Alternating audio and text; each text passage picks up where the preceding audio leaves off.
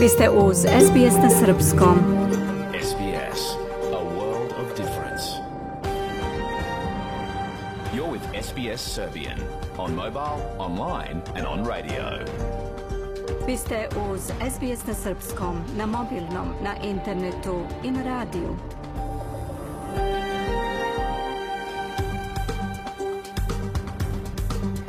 SBS odaje priznanje tradicionalnim vlasnicima zemlje sa koje danas emitujemo program na srpskom jeziku. Ovim izražavamo poštovanje prema narodu Ranger i Vojvorang, pripadnicima nacije Kulin i njihovim prošlim i sadašnjim starešinama. Također odajemo priznanje tradicionalnim vlasnicima zemlje iz svih aboriđinskih naroda i naroda sa ostrva iz Toresovog Moreuza, sa čije zemlje slušate naš program. Dobar dan, danas je ponedeljak 20. jun 2022. Ja sam Biljana Ristić. U današnjem programu posle pregleda vesti je opširan sportski izveštaj. Supruga i pravni tim Juliana Assange pozivaju australijsku vladu da interveniše kako bi se njegov slučaj okončao. Reći ćemo opširnije i o tome. Također u roku od 10 godina sva deca u Novom Južnom Velsu i Viktoriji pre nego što počnu da pohađaju redovnu školu, moći će besplatno da pristupe predškolskom vaspitanju zasnovanom na učenju kroz igru. Reći ćemo više detalja i o tom planu. Iz Srbije se javlja Mija Nikolić. Ostanite sa nama do 16 časova. Sledi pregled vesti.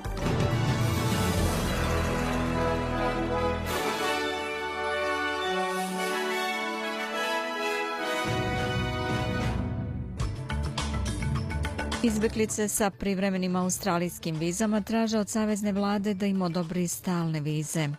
Prvi oklopni transporteri koji su poklonjeni Ukrajini otpremljeni iz Queenslanda. Macron bez apsolutne većine u francuskom parlamentu. Levičari zadovoljni rezultatima izbora.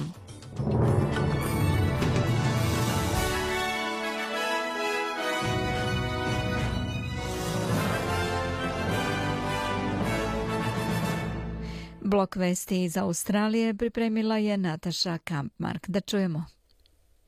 se obeležava Svetski dan izbeglica, a izbeglice sa privremenim australijskim vizama traže od Savezne vlade da im odobri stalne vize.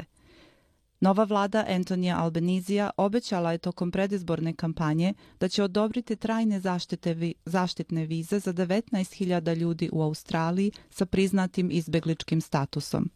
Izbeglica i psiholog iz Irana, Reza Rostami, koji je brodom došao u Australiju iz Indonezije 2013. godine, za SBS News je rekao da je njegovoj porodici teško da živi sa saznanjem da ne postoji put ka dobivanju stalnog boravišta.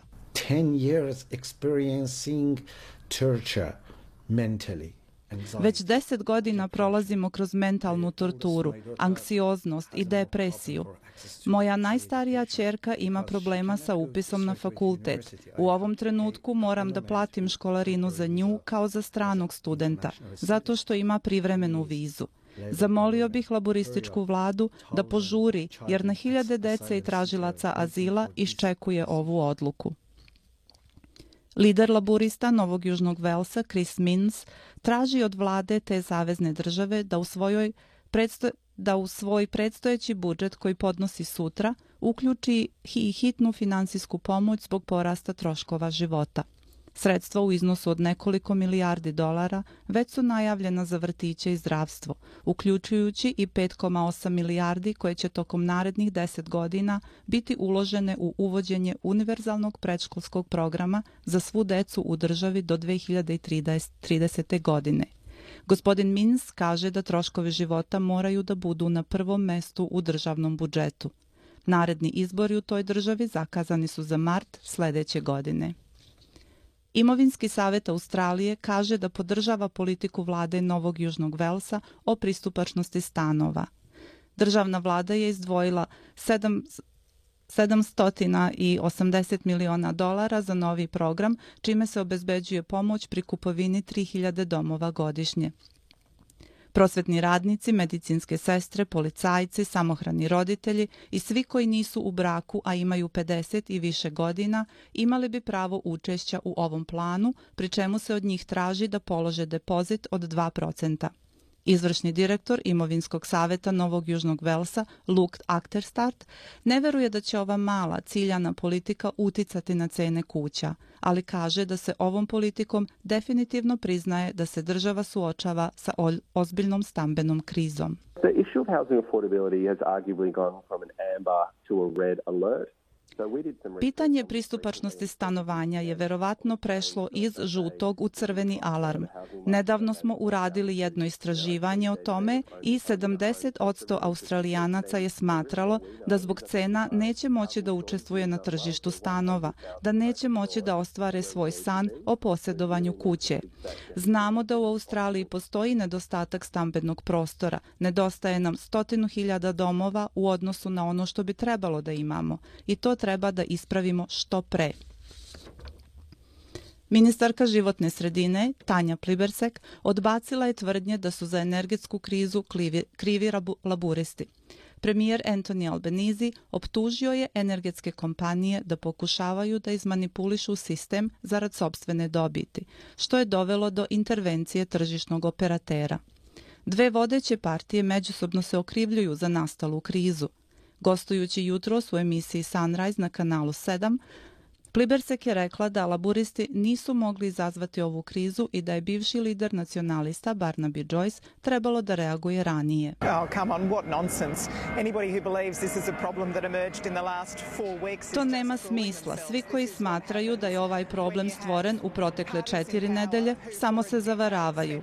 Ovo se desilo zbog toga što su vladajuće partije u posljednjih deset godina provele više vremena boreći se jedno protiv druge, nego rešavajući ovaj problem.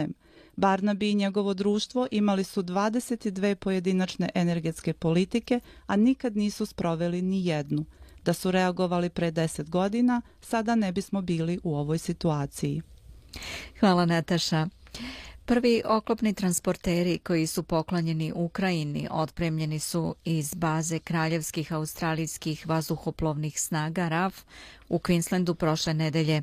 Četiri vozila dizajnirana za prevoz vojnika na bojnom polju utovarene su u ukrajinski avioni. Prva su te vrste koja je obezbedila Australija. Vladin paket vojne pomoći uključuje više od 285 miliona dolara podrške, uključujući oklopna vozila sa pogonom na četiri točka, artiljerijsko oružje dugog dometa, protivoklopno oružje, municiju, dronove i ličnu vojnu opremu. Zamenik premijera i ministara odbrane Richard Miles rekao je da je ponosan što pruža podršku Ukrajini i osudio je, kako je rekao, nastavak nepravedne agresije Rusije na narod Ukrajine. Šef NATO-a kaže da bi rat u Ukrajini mogao da traje godinama, pošto Rusija pojačava svoje napade nakon što je Evropska unija saopštila da Ukrajina treba da postane kandidat za pridruživanje tom bloku zemalja. Moramo se pripremiti za činjenicu da bi rat mogao da potraje godinama. Ne smemo da odustanemo od podrške Ukrajini, istakao je Jens Stoltenberg, dodavši da se to mora činiti čak i ako su troškovi visoki, ne samo za vojnu podršku, već i zbog rasta cena energenata i hrane. Ukrajinski predsjednik Volodomir Zelenski rekao je da očekuje da ruska vojska pojača napade, dok Kijev čeka odluku Evropske unije o dodeli statusa zemlje kandidata. Rat u Ukrajini premašio je 116. dan. Najveće borbe i dalje se vode na istoku Ukrajine. Ruske snage pokušavaju da zauzmu grad Severodonetsk, dok ukrajinska vojska granatira Donetsk. Civili koji se nalaze u skladištu fabrike Azot u Severnodonjecku odbili su da se evakuišu, kaže načelnik Luganske oblasti Sergij Gajdaj, prenosi Reuters. Od početka rata u Ukrajinu kroz Srbiju je prošlo više od 14.000 izbeglica iz te zemlje, a više od 9.000 je tražilo i dobilo privremeni boravak. Briga će i nadalje biti jer predviđanja nisu optimistična, Osim Ukrajine, u svetu bukte brojna žarišta u Afganistanu, Burkini Faso, Etiopiji Mjanmaru, kaže za radio televiziju Srbije komesar za izbeglice i migracije Srbije Vladimir Cucić. Danas da stane kriza u Ukrajini, danas da krene žito, žito ne ide, ceo vodina. E, nemoguće je, nemoguće je obezbediti žito za podsaharsku Afriku, za najveći deo arapskih zemalja, a već da ne pričamo o, o, o ovom delu Pendžaba i Kaukaza, dakle Afganistanu, Pakistanu, gornjem delu Indije i Bangladešu. To je, e, a velika je glad, velika je glad, velika je suša i, i ta glad će poterati mnoge da, da krenu. Nećete čekati da vidite kako vam dete umire, da ćete mu sve što ima i reći idi dete odavde. U migratskim centrima u Srbiji je više od 5000 ljudi, najviše iz Afganistana, Sirije i Pakistana. Migrantske nevolje najteže podnose deca koja su bila prinuđena da na dug put krenu sama, poput Sajfudina koji je pešice iz Afganistana krenuo na put dug 5000 km kada je imao samo 13 godina. On za radio televiziju Srbije kaže da je put bio težak dok nije stigao do Srbije. Situacija bilo teško dok stigao sam u Srbiji. Ono, u svako vremeno, mislim, ono, preko svake granice koje prelazimo i to teška i teška. Kada ideš svaku granica, moraš sa krumčar da ideš, krumčar koji plateš ti. A, mislim, ne ja, nego poradica platili su i to, i sa krumčar dolaziš. Sajfudin je 2018. bio prvo dete bez pratnje koje je u Srbiji dobilo azil. Do danas to je uspjelo samo 11 dece, iako ih je u Srbiji registrovano gotovo 2000. Komisarijat za izbjeglice Srbije podsjeća da zbog novih ne treba zaboraviti stare tragedije, izbegle iz Bosne i Hercegovine i Hrvatske, ali ni gotovo 200.000 ljudi sa Kosova i Metohije, koji se već 23 godine nalaze u najdužem internom raseljenju u Evropi. Ove godine Međunarodni dan izbeglica 20. jun svet dočekuje sa čak 100 miliona ljudi koji su morali da napuste domove bežeći od progona, rata i prirodnih katastrofa. Slušate SBS na srpskom. Ostanite sa nama. Koalicija zajedno predsjednika Emanuela Makrona je na putu da izgubi apsolutnu većinu u francuskom parlamentu. Prema prvim projekcijama osvojila je 230 mandata. Levičarska koalicija NUPES, Jean-Luc Malnachon, dobila je 149 mesta. Istorijski rezultat za nacionalno okupljanje Marine Le Pen sa osvojnih 85 mandata javljaju francuski mediji.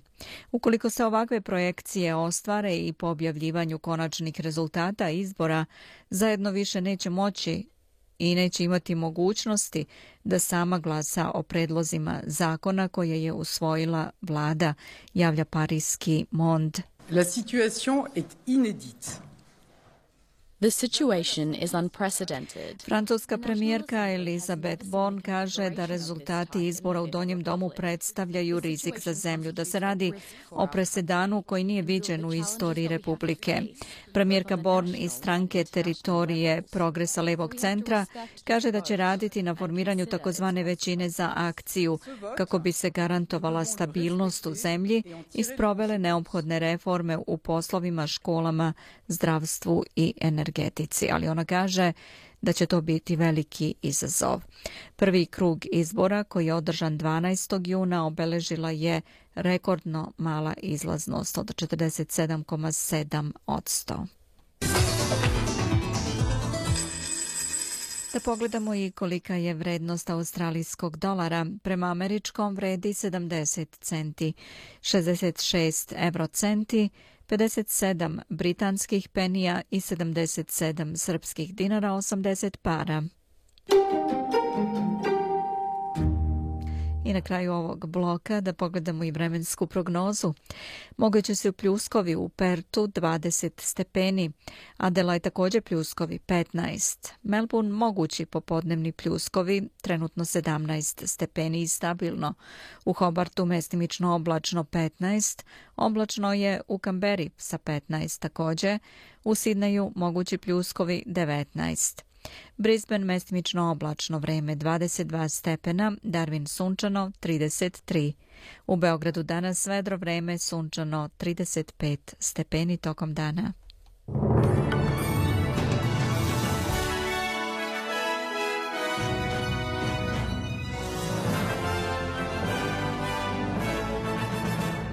Slušali ste pregled vesti na srpskom jeziku na SBS radiju. Za sve najnovije posjetite sbs.com.au kosacrta news. U nastavku opširan sportski izveštaj. Futbal. Omladinska futbolska reprezentacija Srbije odigrala je nerešeno protiv selekcije Izraela 2-2 na startu Evropskog prvenstva u Slovačkoj. Srbija učešće na Evropskom prvenstvu u Slovačkoj započinje remijem, a naredni meč igra 22. juna protiv selekcije Engleske. AFL Gold Coast Suns savladali su Adelaide Crows razlikom od 43 poena 116-73. Međutim, pobjeda je zasenjena povredom odbrambenog igrača. Will Powell zadobio je tešku povredu i prebačen je u bolnicu. Um, Trener Stardew kaže da se radi o vrlo teškoj povredi zgloba i noge, ali još uvek treba da budemo srećni zbog pobjede, kaže on. On bi to sigurno i sam želeo. Gold Coast je ostao bez još jednog igrača zbog povrede. Kanar Bodorik povredio je tetivu kolena. U drugim mečevima tokom vikenda GSW Giants izgubili od Bulldogsa 125-105. Geelong pobedio West Coast 81-63, Port Adelaide pobedio Sydney 82-59. U okviru rugby lige Bulldogs West Tigers 36-12, Riders Knights 20-18, Eels Roosters 26-16, Panthers Warriors 46 i Sharks Titans 18-10. Košarka. Košarkaši Crvene zvezde osvojili su Košarkašku ligu Srbije pošto su u drugom meču finalne serije savladali ekipu FMP-a 71-59. Izabranici Dejana Radonjića su tako kompletirali troduplu krunu i ove sezone, a rekordni 22. put stigli do trofeja šampiona Srbije. Nakon osvajanja Kupa Koraća i ABA lige, Crvena zvezda podigla je i trofej namenjen šampionu Srbije. Košarkaši Real Madrida savladali su ekipu Barcelone 81-74 u četvrtom meču finalne serije šampionata Španije. Madriđani su došli do 36. titule u Španiji, prve nakon 2019 a košarkaši Olimpije iz Milana šampioni su italijanskog košarkaškog prvenstva pošto su u finalnoj seriji sa 4-2 bili bolji od Virtusa iz Bolonje. Olimpija je u šestom meču bila bolja sa 81-64. Nakon četiri godine Armani se vraća na tron italijanske košarke.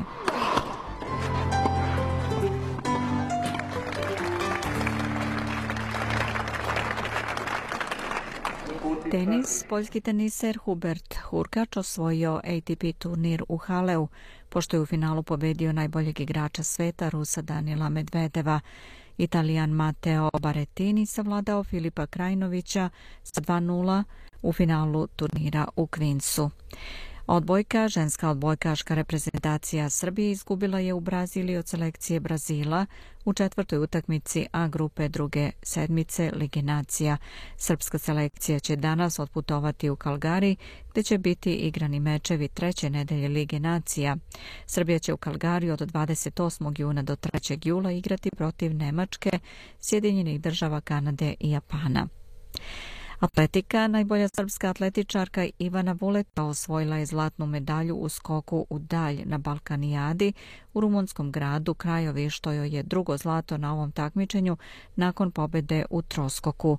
Vuleta je do pobede u svojoj disciplini stigla skokom od 6,83 metra.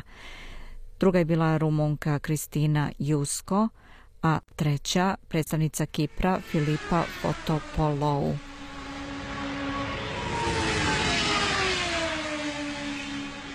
Formula 1 vozač Red Bulla i zvanični svetski šampion Max Verstappen pobedio je trci za veliku nagradu Kanade. Um, On kaže da se tim u trci malo više borio za tempo u poređenju sa timom Ferrarija, čiji vozač Carlos Sainz je prošao drugi kroz cilj. Treće mesto pripalo je vozaču Mercedesa Lewisu Hamiltonu.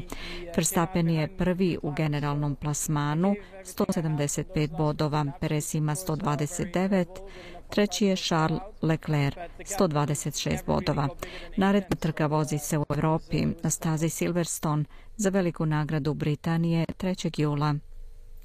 Američka plivačica Keti Ledecki osvojila je zlatnu medalju na svetskom prvenstvu u Budimpešti, pošto je bila najbrža u trci na 400 metara slobodnim stilom. Srebro je osvojila kanadjanka Summer McIntosh, bronza je pripala Amerikanki Lee Smith.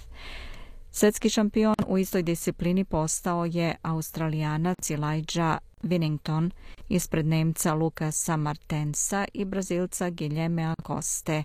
Iznenađujuće zlato na 400 metara mešovitim stilom osvojio je Francuz Leon Marchand, koji je oborio i evropski rekord.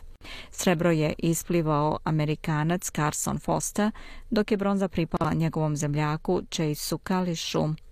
U muškoj štafeti 4 puta 100 metara slobodno triumfovali su Amerikanci, dok je u ženskoj štafeti 4 puta 100 metara slobodno najbrža bila Australija. Muška štafeta Srbije 4 puta 100 slobodno prvi put u finalu svetskog prvenstva zauzela je osmo mesto. Srpski plivač Velimir Stjepanović nije uspeo da se plasira u polufinale trke na 200 metara slobodnim stilom na svetskom prvenstvu u Budimpešti. Međunarodna plivačka federacija odlučila je da ograniči učešće transrodnih sportista u elitnim ženskim takmičenjima i da oformi radnu grupu sa zadatkom da za njih na nekim takmičenjima omogući otvorenu kategoriju. However, I completely Predsjednik FINE Hussein Al-Musalam kaže da je odluka doneta tokom vanrednog generalnog kongresa FINE na marginama svetskog prvenstva u plivanju u Budimpešti, nakon što su članovi upoznati sa izveštajem radne grupe za transrodne osobe koji čine ugledne ličnosti iz oblasti medicine, prava i sporta. Nova procedura će zahtevati od transrodnih takmičara da završe tranziciju do svoje 12. godine kako bi mogli da se takmiče u ženskim takmičenjima. SBS ogledalo aktualnih zbivanja u sportu.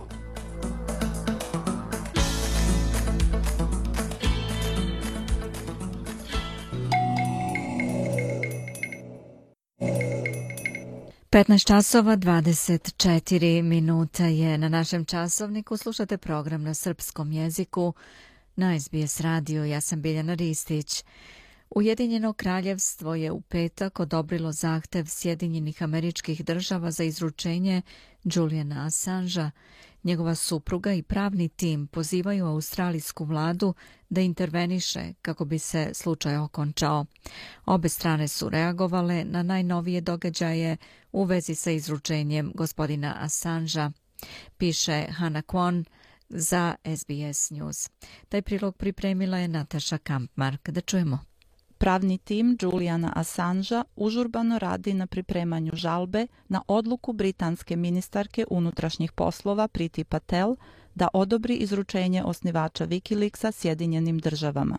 Vlasti Sjedinjenih američkih država traže Assangea po 18 tačaka, uključujući špijunažu i hakovanje, povezanih sa objavljivanjem poverljivih američkih vojnih dokumenata u vezi sa sukobom u Afganistanu tokom 2010. i 2011. godine. Pravni savjetnik australijske kampanje za pomoć Assangeu Greg Barnes rekao je za SBS News da odluka gospođe Patel ne znači kraj Assangeove pravne bitke koja traje više od decenije. This is an Australian citizen who faces 170 years or more in jail.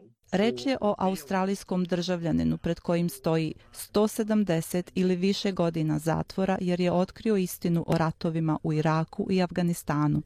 Hiljade novinara širom sveta, kao i organizacija za borbu za ljudska prava, su rekli da Assange ne treba da bude izručen Sjedinjenim državama.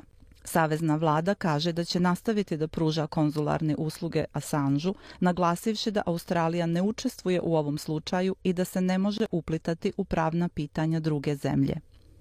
Savezna ministarka spoljnih poslova Penny Wong i državni tužilac Mark Dreyfus priznaju odluku Ujedinjenog kraljevstva uz napomenu da Assange ima nekoliko načina na koje može da uloži žalbu na odluku.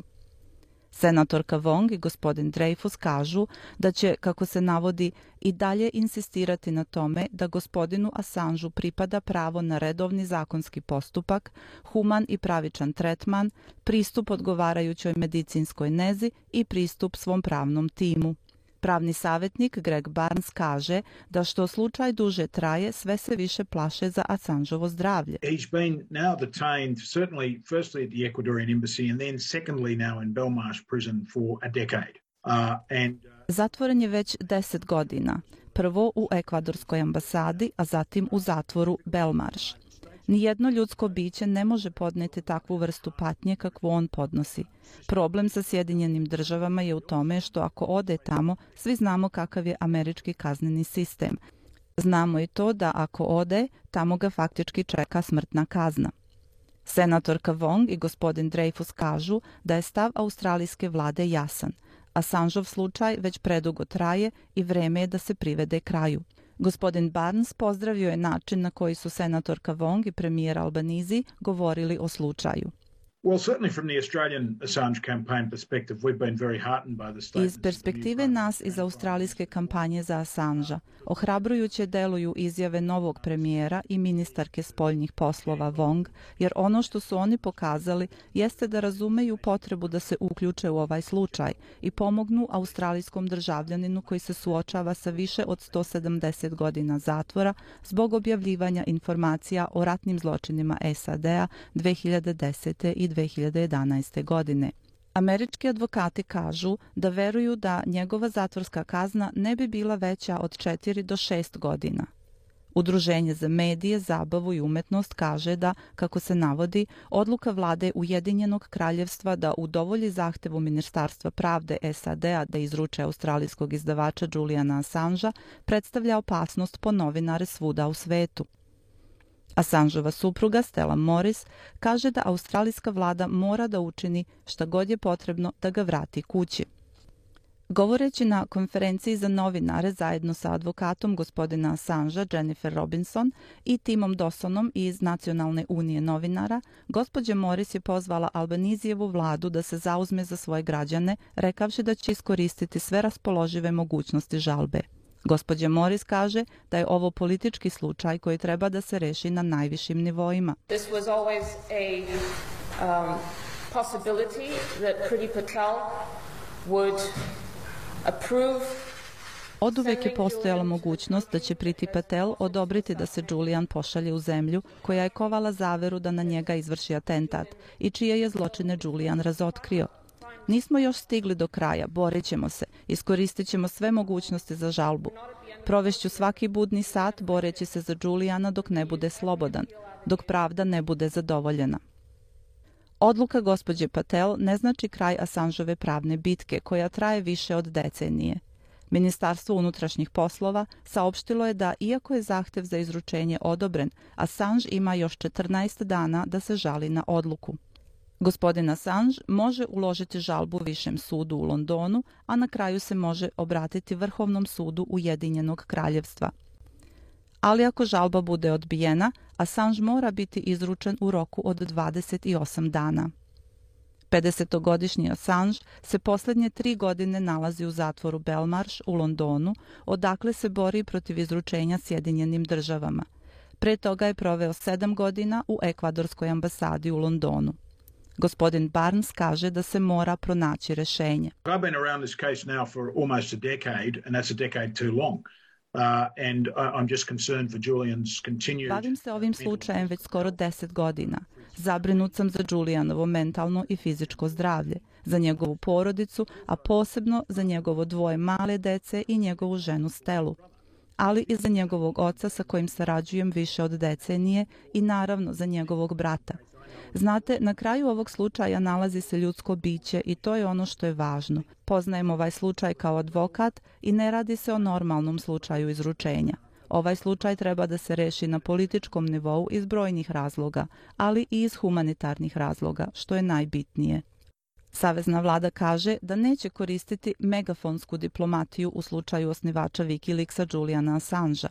Premijer Anthony Albanese rekao je za Nine Newspapers da ostaje pri svojoj izjavi iz decembra da je vreme da se Assange vrati u Australiju. Ministar kabineta Tony Berg rekao je za Sky News da će sve što se preduzme u oslobađanju Assangea verovatno biti iza kulisa. We're not going to conduct diplomacy by, by megaphone. This case has gone Nećemo da vodimo diplomatiju megafonom. Ovaj slučaj traje predugo. To smo rekli u opoziciji, to smo rekli i u vladi.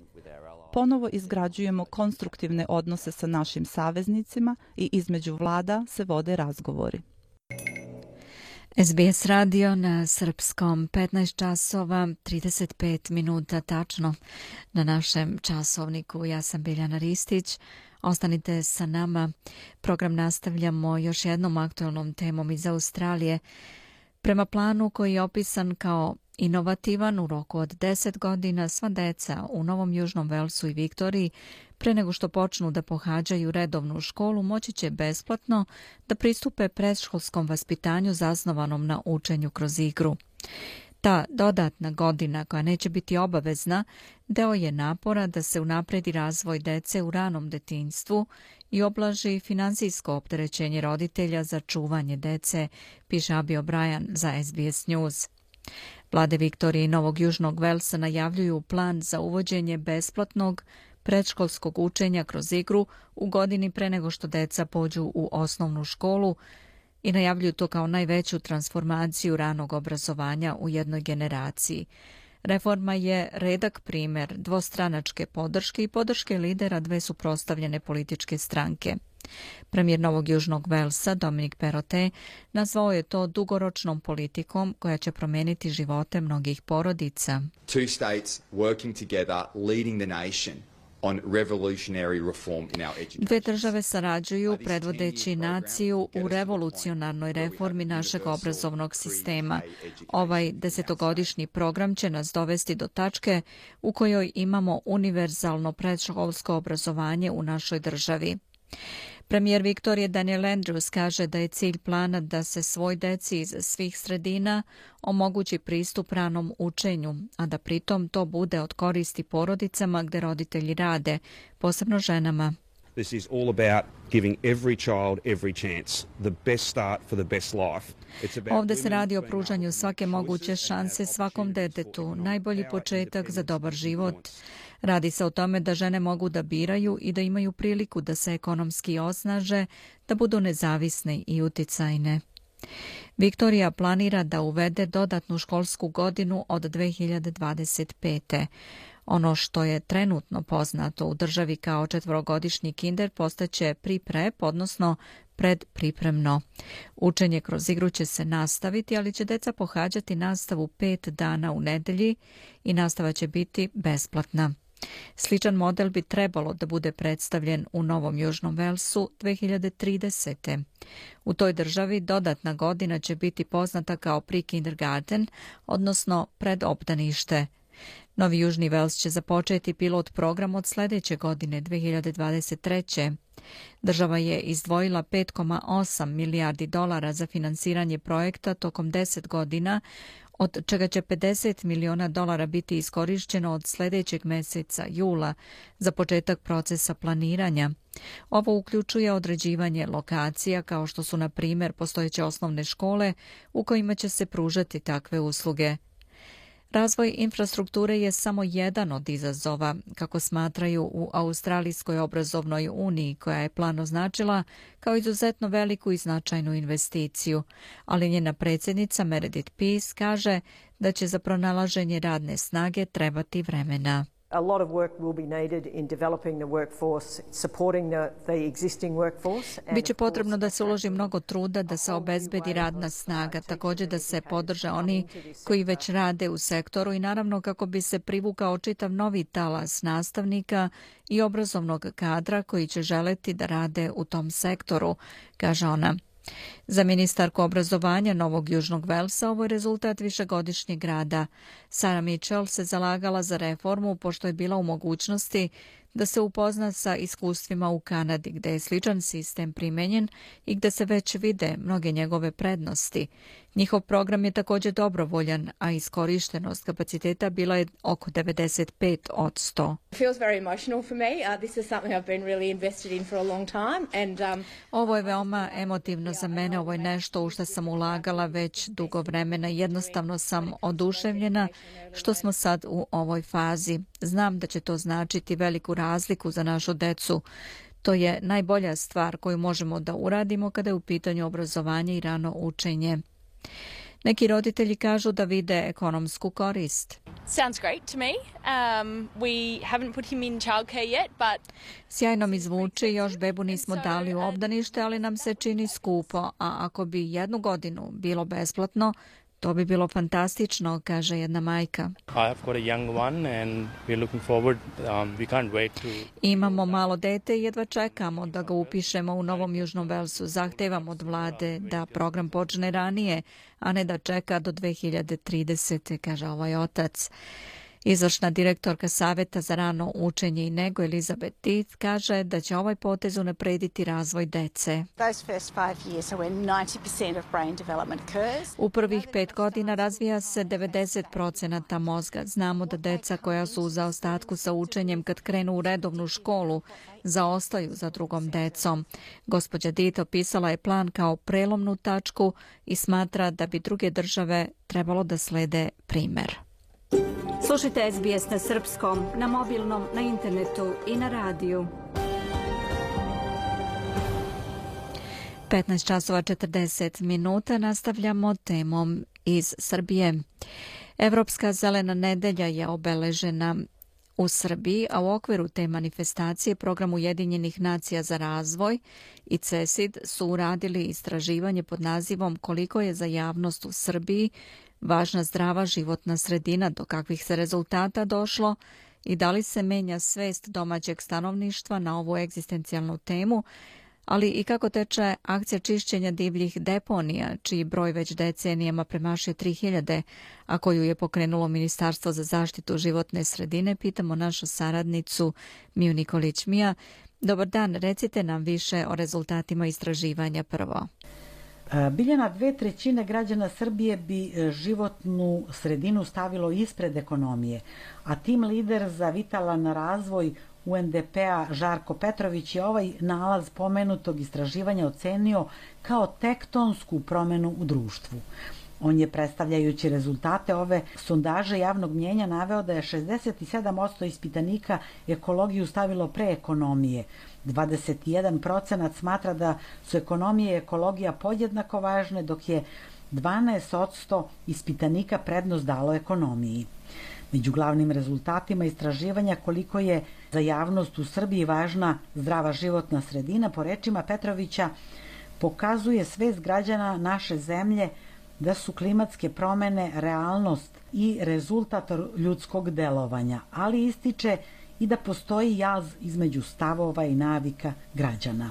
Jedan od ključnih rezultata je i da građani znaju šta treba da se uradi kada je u pitanju zaštita životne sredine, ali da većinom nisu spremni lično da za to izdvoje više novca u stavu UNDP-a da ulaganje u životnu sredinu nije trošak. Naime, na pitanje da li bi bili spremni da plaćaju više za vodu, struju, iznošenje smeća i slične usluge, 43% ispitanika je odgovorilo negativno, mada bi značajan broj njih pristao da plaća više ukoliko bi imali garancije da će taj novac biti uložen u zaštitu životne sredine. Menadžer programa i delegacije Evropske unije u Srbiji Antoan Avignon istakao je kao ohrabrujuće to što je čak 84% ispitanika u Srbiji spremno da uradi nešto za životnu sredinu, i podsjetio na rezultate evropske ankete koja pokazuje da 91% mladih evropljana i 87% odraslih misli da borba protiv klimatskih promjena može da poboljša njihovo zdravlje i dobrobit. Izrazio je zadovoljstvo što su stavovi srpske javnosti u životnoj sredini veoma slični gledištima EU građana i što 62 od 100 naših ljudi veruje da su klimatske promjene realna pretnja koja zahteva stvarnu akciju. I što istraživanje koje je sproveo njihov novi projekat Odvajamo takođe pokazuje da je 94% ispitanika motivisano da preduzme akciju za odvajanje otpada kako bi pomogli Srbiji u smanjenju zagađenja. Moramo zajedno raditi na akcijama za ustavljanje globalnog zagrevanja i zagađenja, što i jeste smisao našeg slogana Bolji smo zajedno, istakao je Avignon uz napomenu da je kreatorima politika potrebna dobra analiza podataka kako bi doneli dobre odluke. Mija, koliko je zaživela ideja odvajanja otpada za reciklažu? Šta pokazuje istraživanje? Kreativni strateg agencije New Moment za projekat odvajanja kućnog otpada Ana Verhauc je navela da su na ovu temu radili veoma opsežno istraživanje u kome je učestvovalo više od 2000 ljudi i 17 naših opština, te da ih ohrabruje rezultat da je izražena potreba građana za informacijama i infrastrukturom kada je reč o odvajanju otpada.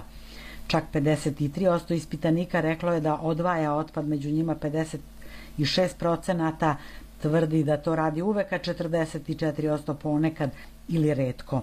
Ljudi žele inspiraciju, a ne grdnju, ocenila je ona u kontekstu kampanje za odvajanje otpada koja će uskoro početi u 17 ovdašnjih opština.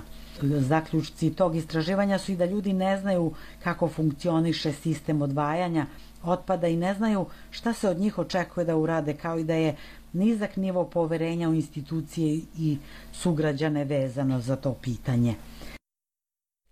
A Mija, kakav je stav građana Srbije kada je u pitanju zaštita životne sredine? Šta je njima važno?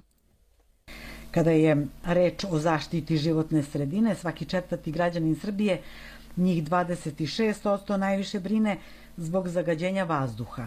13% kao razlog za zabrinutost vidi kvalitet vode, a 12% divlje deponije. Javnost u Srbiji kao rešenje za sprečavanje posljedica klimatskih promjena navodi najpre očuvanje šuma i dodatno pošumljavanje kao i očuvanje voda, a zatim smanjenje emisije gasova sa efektom staklene bašte i povećanje obima recikliranja. Velika većina od 73% nije spremna da izdvoji više novca za troškove zaštite životne sredine kroz povećanje računa za električnu energiju, vodu i ostale komunalne usluge. Jedan deo njih smatra da su računi veći previsoki, 43 procenata, drugi ne veruje da bi novac otišao u namenjene svrhe, 30%. Ogromna većina ispitanika nije spremna na dodatna ulaganja za nabavku novog grejnog tela ili izolaciju stambenog prostora kao glavne razloge navode nedostatak potrebe ili nedostatak novca. Većina nije sasvim zadovoljna onim što država preduzima da reši ekološke probleme, a kao moguća rešenja građani navode povećanje kazni za zagađivače, kako privredu, tako i pojedince, sprečavanje seče šuma i dodatno pošumljavanje, veću podršku organizacijama koje se bave zaštitom životne sredine i subvencije za privredne subjekti pojedince koji doprinose borbi protiv zagađenja i klimatskih promena. E, mi spomenuli ste ranije deponije. Dokle se došlo sa akcijom uklanjanja deponija? E, Biljana, što se tiče uklanjanja smetlišta i divljih deponija, ovo je nastavak akcije koju Resorno ministarstvo u saradnji sa jedinicama lokalne samouprave je pokrenulo prošle godine. Ministarka Irena Vujović izjavila da će čišćenje nesanitarnih deponija biti sprovedeno u 34 grada i opštine širom zemlje i da ova divlja smetlišta predstavljaju jedan od najvećih ekoloških problema u Srbiji, te da će od 18. juna do 18. jula biti očišćeno njih 700 od ukupno 3500 koliko se procenjuje da ima divljih deponija u Srbiji. Stručnjaci sa e, Hemijskog fakulteta u Beogradu su pred početak ove akcije upozorili da neadekvatno upravljanje otpadom predstavlja ogroman ekološki i zdravstveni problem za sve naše stanovnike. Dr. Konstantin Ilijević sa ovog fakulteta je u autorskom tekstu naveo da su prikupljeni podaci iz katastra deponija alarmantni, jer ukazuju da je čak i na komunalnim deponijama kojih ima 164 odlaganje smeća često samo za nijansu bezbednije u odnosu na nesanitarne divlje deponije. Različite vrste otpada iz domaćinstva međusobno interreaguju i proizvode mnoge toksične substance koje su direktno štetne za naše zdravlje, za živi svet, ali takođe značajno doprinose klimatskim promenama, ukazuje on. Navodeći razmere problema divljih deponija, Ilijević kao najpogubnije ističe oticanje toksičnih substanci u podzemne vode preko čestih požara na smetlištima koji se e, otežano gase, traju danima ili nedeljama i oslobađaju širok spektar otrovnih materija u vazduh, pa do razlaganja i gorenja plastike koja je naročito opasan ekološki problem. On upozorava da samo 11 opština ima izgrađene sanitarne deponije, među njih ne spada ni jedan od najvećih gradova u Srbiji. Ističe da se čak i na većini komunalnih deponija ne vrši prikupljanje i prečišćavanje procednih voda kao ni bilo kakva vrsta obrade otpada. Naglašavajući da većina ekoloških problema ima svoje rešenje, profesor Ilijević zaključuje da su individualne akcije važne i korisne, ali da je mnogo veći prioritet uticati na donosioce odluka na svim nivoima da se otpadom upravlja na odgovorniji način. A pred upravo započetu akciju uklanjanja divljih deponija, Resorno ministarstvo je saopštilo da je ove godine izdvojilo 80 miliona dinara za podršku lokalnim samoupravama u rešavanju problema nesanitarnih smetlišta, od kojih su neka manja sa nekoliko tona otpada, a neka u, na primjer, Vojvodini prostiru se na površini i do čak desetak kvadratnih kilometara, dok je 20 miliona dinara opredeljeno za postavljanje videonadzore na očišćenim lokacijama. Studio. Toliko za danas. Hvala Mija. Bila je to naša saradnica iz Srbije, Mija Nikolić. Ostanite sa nama. 15 časova 53 minuta je. Slušate program na srpskom. U nastavku idemo u svet književnosti. Reditelj Emir Kusturica napisao je knjigu Vidiš li da ne vidim kako bi dokumentovao vrednost svog prijatelja pisca Petera Handkea. Rečeno je na promociji tog dela u ispunjenoj velikoj dvorani Studenskog kulturnog centra Beograda, gde je prisustvovao naš saradnik Hranislav Nikolić. Da čujemo taj prilog. U velikoj dvorani Studenskog kulturnog centra u Beogradu, koja je bila ispunjena do posljednjeg mesta, predstavljena je knjiga proslavljenog reditelja Emira Kusturice Vidiš li da ne vidim u izdanju Srpske književne zadruge. Roman u stvari govori o piscu Nobelovcu Peteru Hankeu, to je dokument o vrednosti jednog čoveka. O ovom delu govorili su akademik Matija Bečković, Milo Lompar, profesor Filološkog fakulteta u Beogradu, književnik Želik Drag Nikčević i autor. Akademik i pesnik Matija Bečković smatra, Hanke je napisao nekoliko knjiga o Srbima, ali se nije našao ni jedan Srbin da napiše knjigu o Hankeu. To je učinio Kusturica i tako na neki način spasao čast naše pismenosti. Bečković je rekao prisutnima da je napisao pesmu naslovljenu Emir Kusturica, koju je celu kazao publici u studijskom centru. O svojoj četvrtoj novoobjavljenoj knjizi Kusturica je rekao da delo ima tri toka.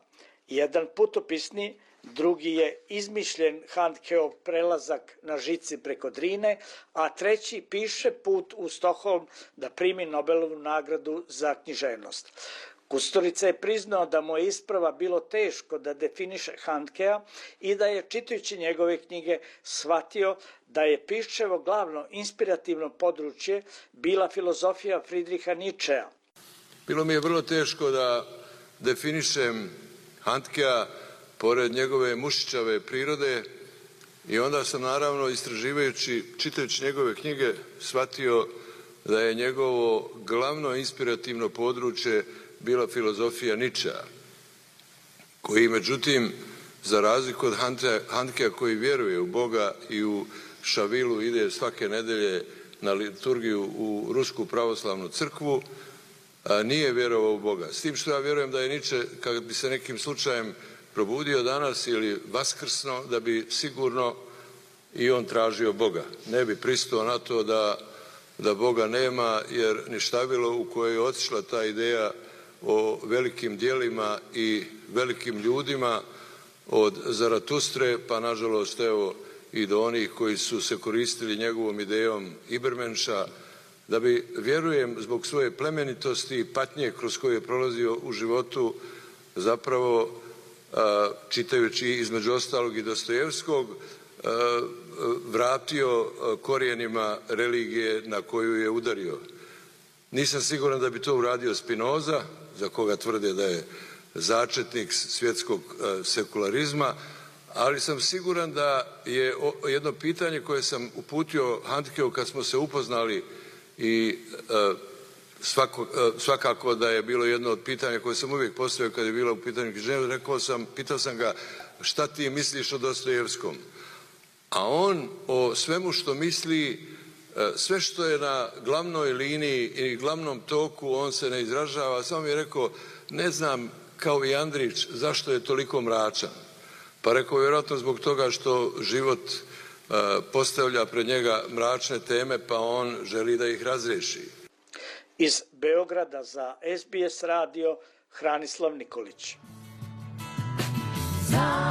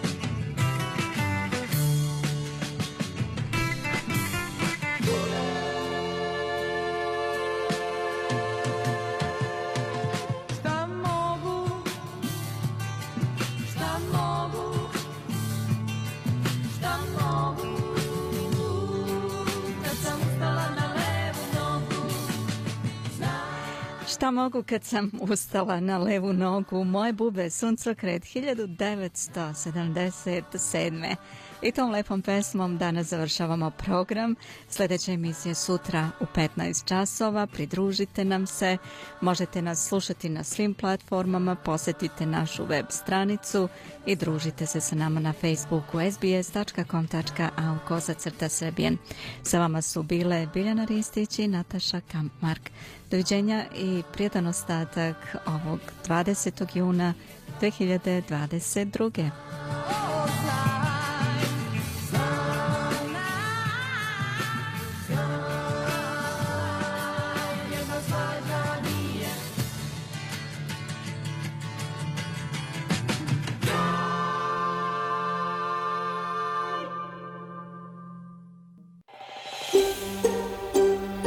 Želite da čujete još priča poput ove? Slušajte nas na Apple Podcast, Google Podcast, Spotify ili odakle god slušate podcast.